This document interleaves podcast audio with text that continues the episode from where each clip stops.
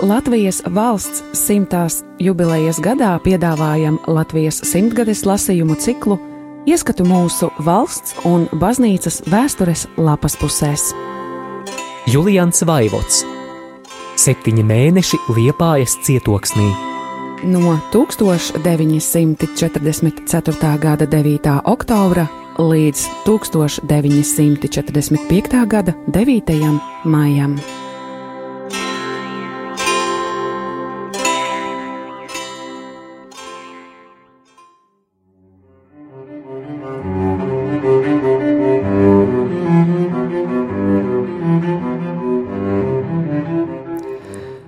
1945. gada 23. aprīlī.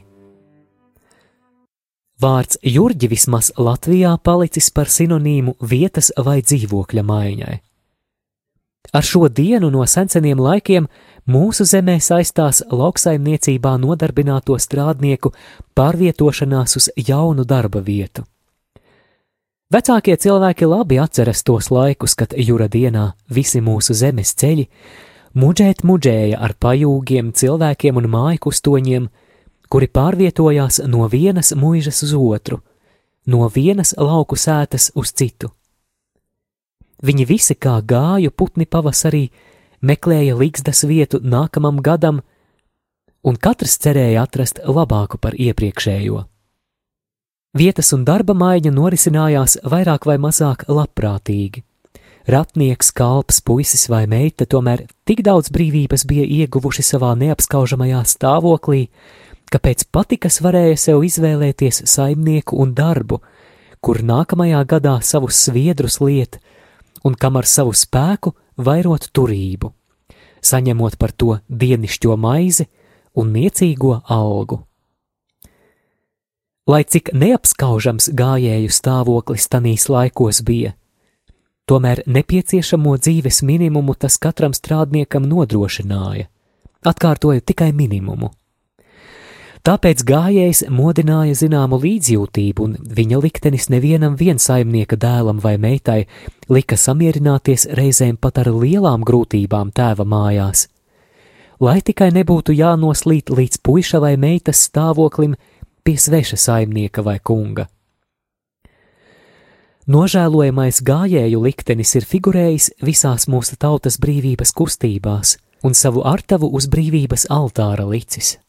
Cilvēki cerēja reizē ar kultūras augšanu izveidot apstākļus, kādos šo likteņa pabērnu gājēju dzīve kļūtu vismaz vieglāka, ja jau pavisam to nav iespējams izskaust.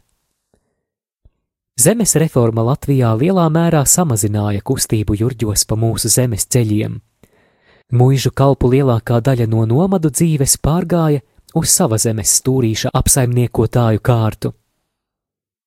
Solītie darba apstākļi un cilvēcīgā peļņa nevienam vienzemes kārotājam deva iespēju pirkšanas ceļā tikt pie savas, kaut arī nelielas saimniecības uz laukiem vai pilsētu nomalēs. Tāpēc, lai Dievs pasargā mūsu tautu no kādreizējiem jurģiem, katrā 23. aprīlī un no tā likteņa, no kāda senākie gājēji latvieši pa lielākai daļai jau pēdējā gadu desmitā bija atbrīvojušies.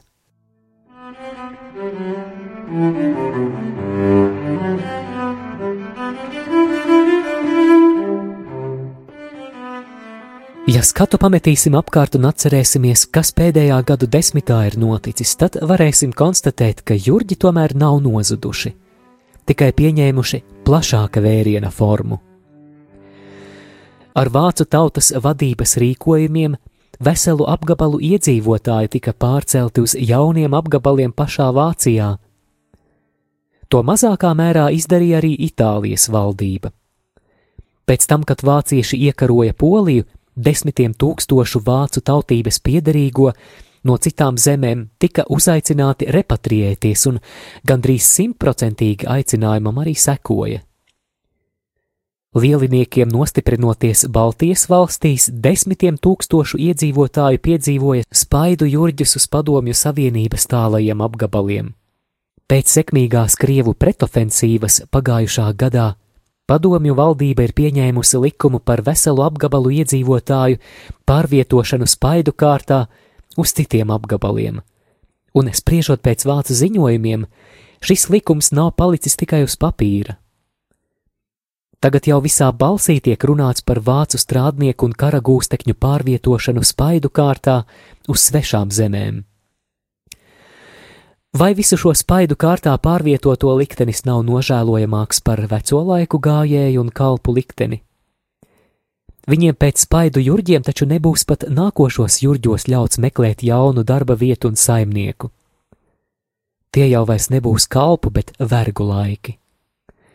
Tādi senos jurģus atcerēsies kā brīvības simbolu, un tos nožēlodami varēs teikt: Vocibia babuška i Jurjevģeņa.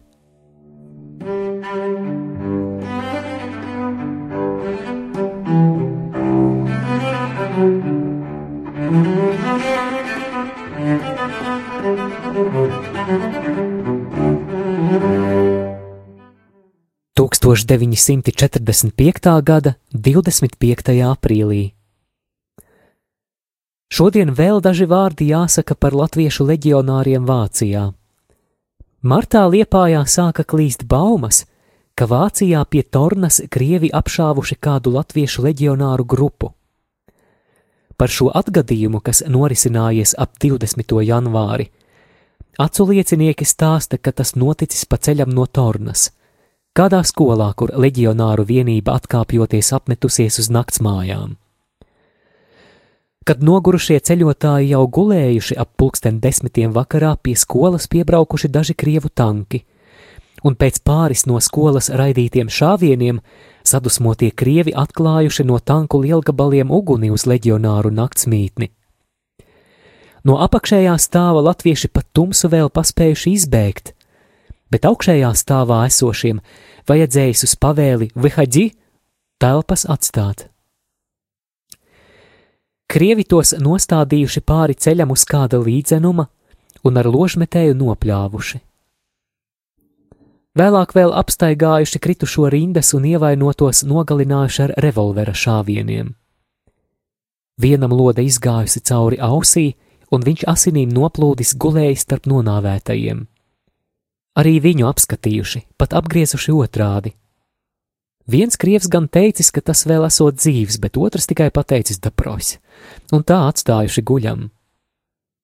Visu šo procedūru noskatījies kāds pārdrošnieks no augstāva, kurš uz pavēli atstāt telpas nav gājis ārā, bet aizrāvies aiz krāsnes kādā spraugā un vēlāk pa lielgabala izšauto caurumu sienā redzējis, kā viņa biedri tiek noslapkavoti.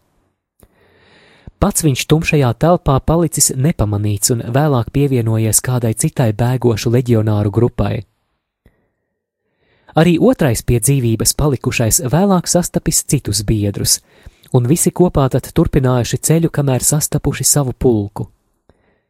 Tikai ievainotais leģionārs no pārdzīvotajām bailēm vairākas dienas vēl nevarējis atžilbt un nākt pie garīgā līdzsvara, un nav jau brīnums, Fabulā viegli lasās stāsts par diviem ceļabiedriem, no kuriem viens ieraugot lāci iekāpis kokā, bet otrs apmeties par mirušu. Lācis to apostījis un aizgājis. Uz drauga jautājumu, ko lācis viņam iečukstējis ausī, tas atbildējis, ka lācis esot devis padomu un nekad vairs neceļot kopā ar tādu draugu, kas biedru atstājot nelaimē vienu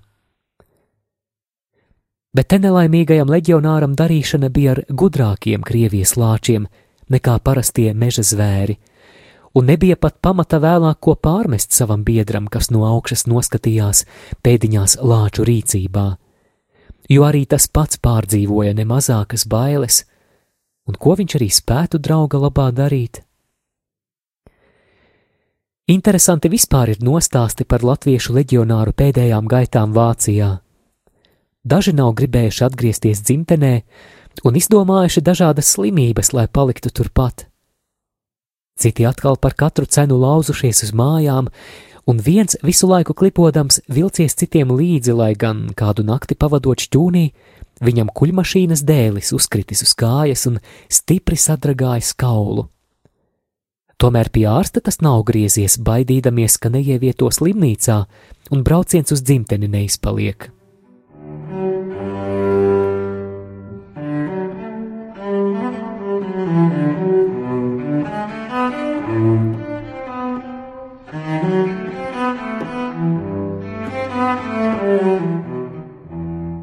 Citam leģionāram, kas sevišķi jūsmojas par dzimteni, nav bijis lemts vismaz kopā ar biedriem atgriezties kurzemē.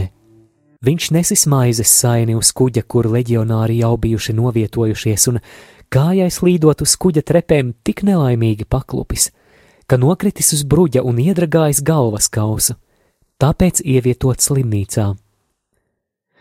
Jā, cilvēks nezina, kur nelaime viņam uzglūna, Kad leģionāru pulks, par kura gaitām Vācijā minēju, atgriezies dzimtenē un novietots kādā klusā kurzemes stūrītī, viens no leģionāriem gribēja sagādāt sev un biedriem garšīgu maltīti no zivīm. Tāpēc sameklējis kaut kur rokas granātu un aizgājis uz upi zivis dullināt. Granātas sprādziens norisinājies tik nelaimīgi, ka tas spridzinātāju saplosījis gabalos. Tik daudz to prieku no pārnākšanas dzimtenē ka savus kaulus noguldīja Latvijas smiltājā. Arī iegūms - apceļojis daļu svešas zemes, nomirt atnāca dzimtenē. Vieglas smiltis dzimtajā zemē. thank you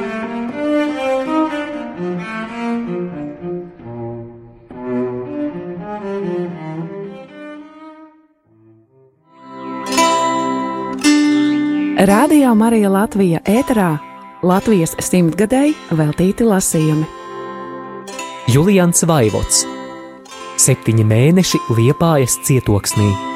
No 1944. gada 9. oktobra līdz 1945. gada 9. maijam.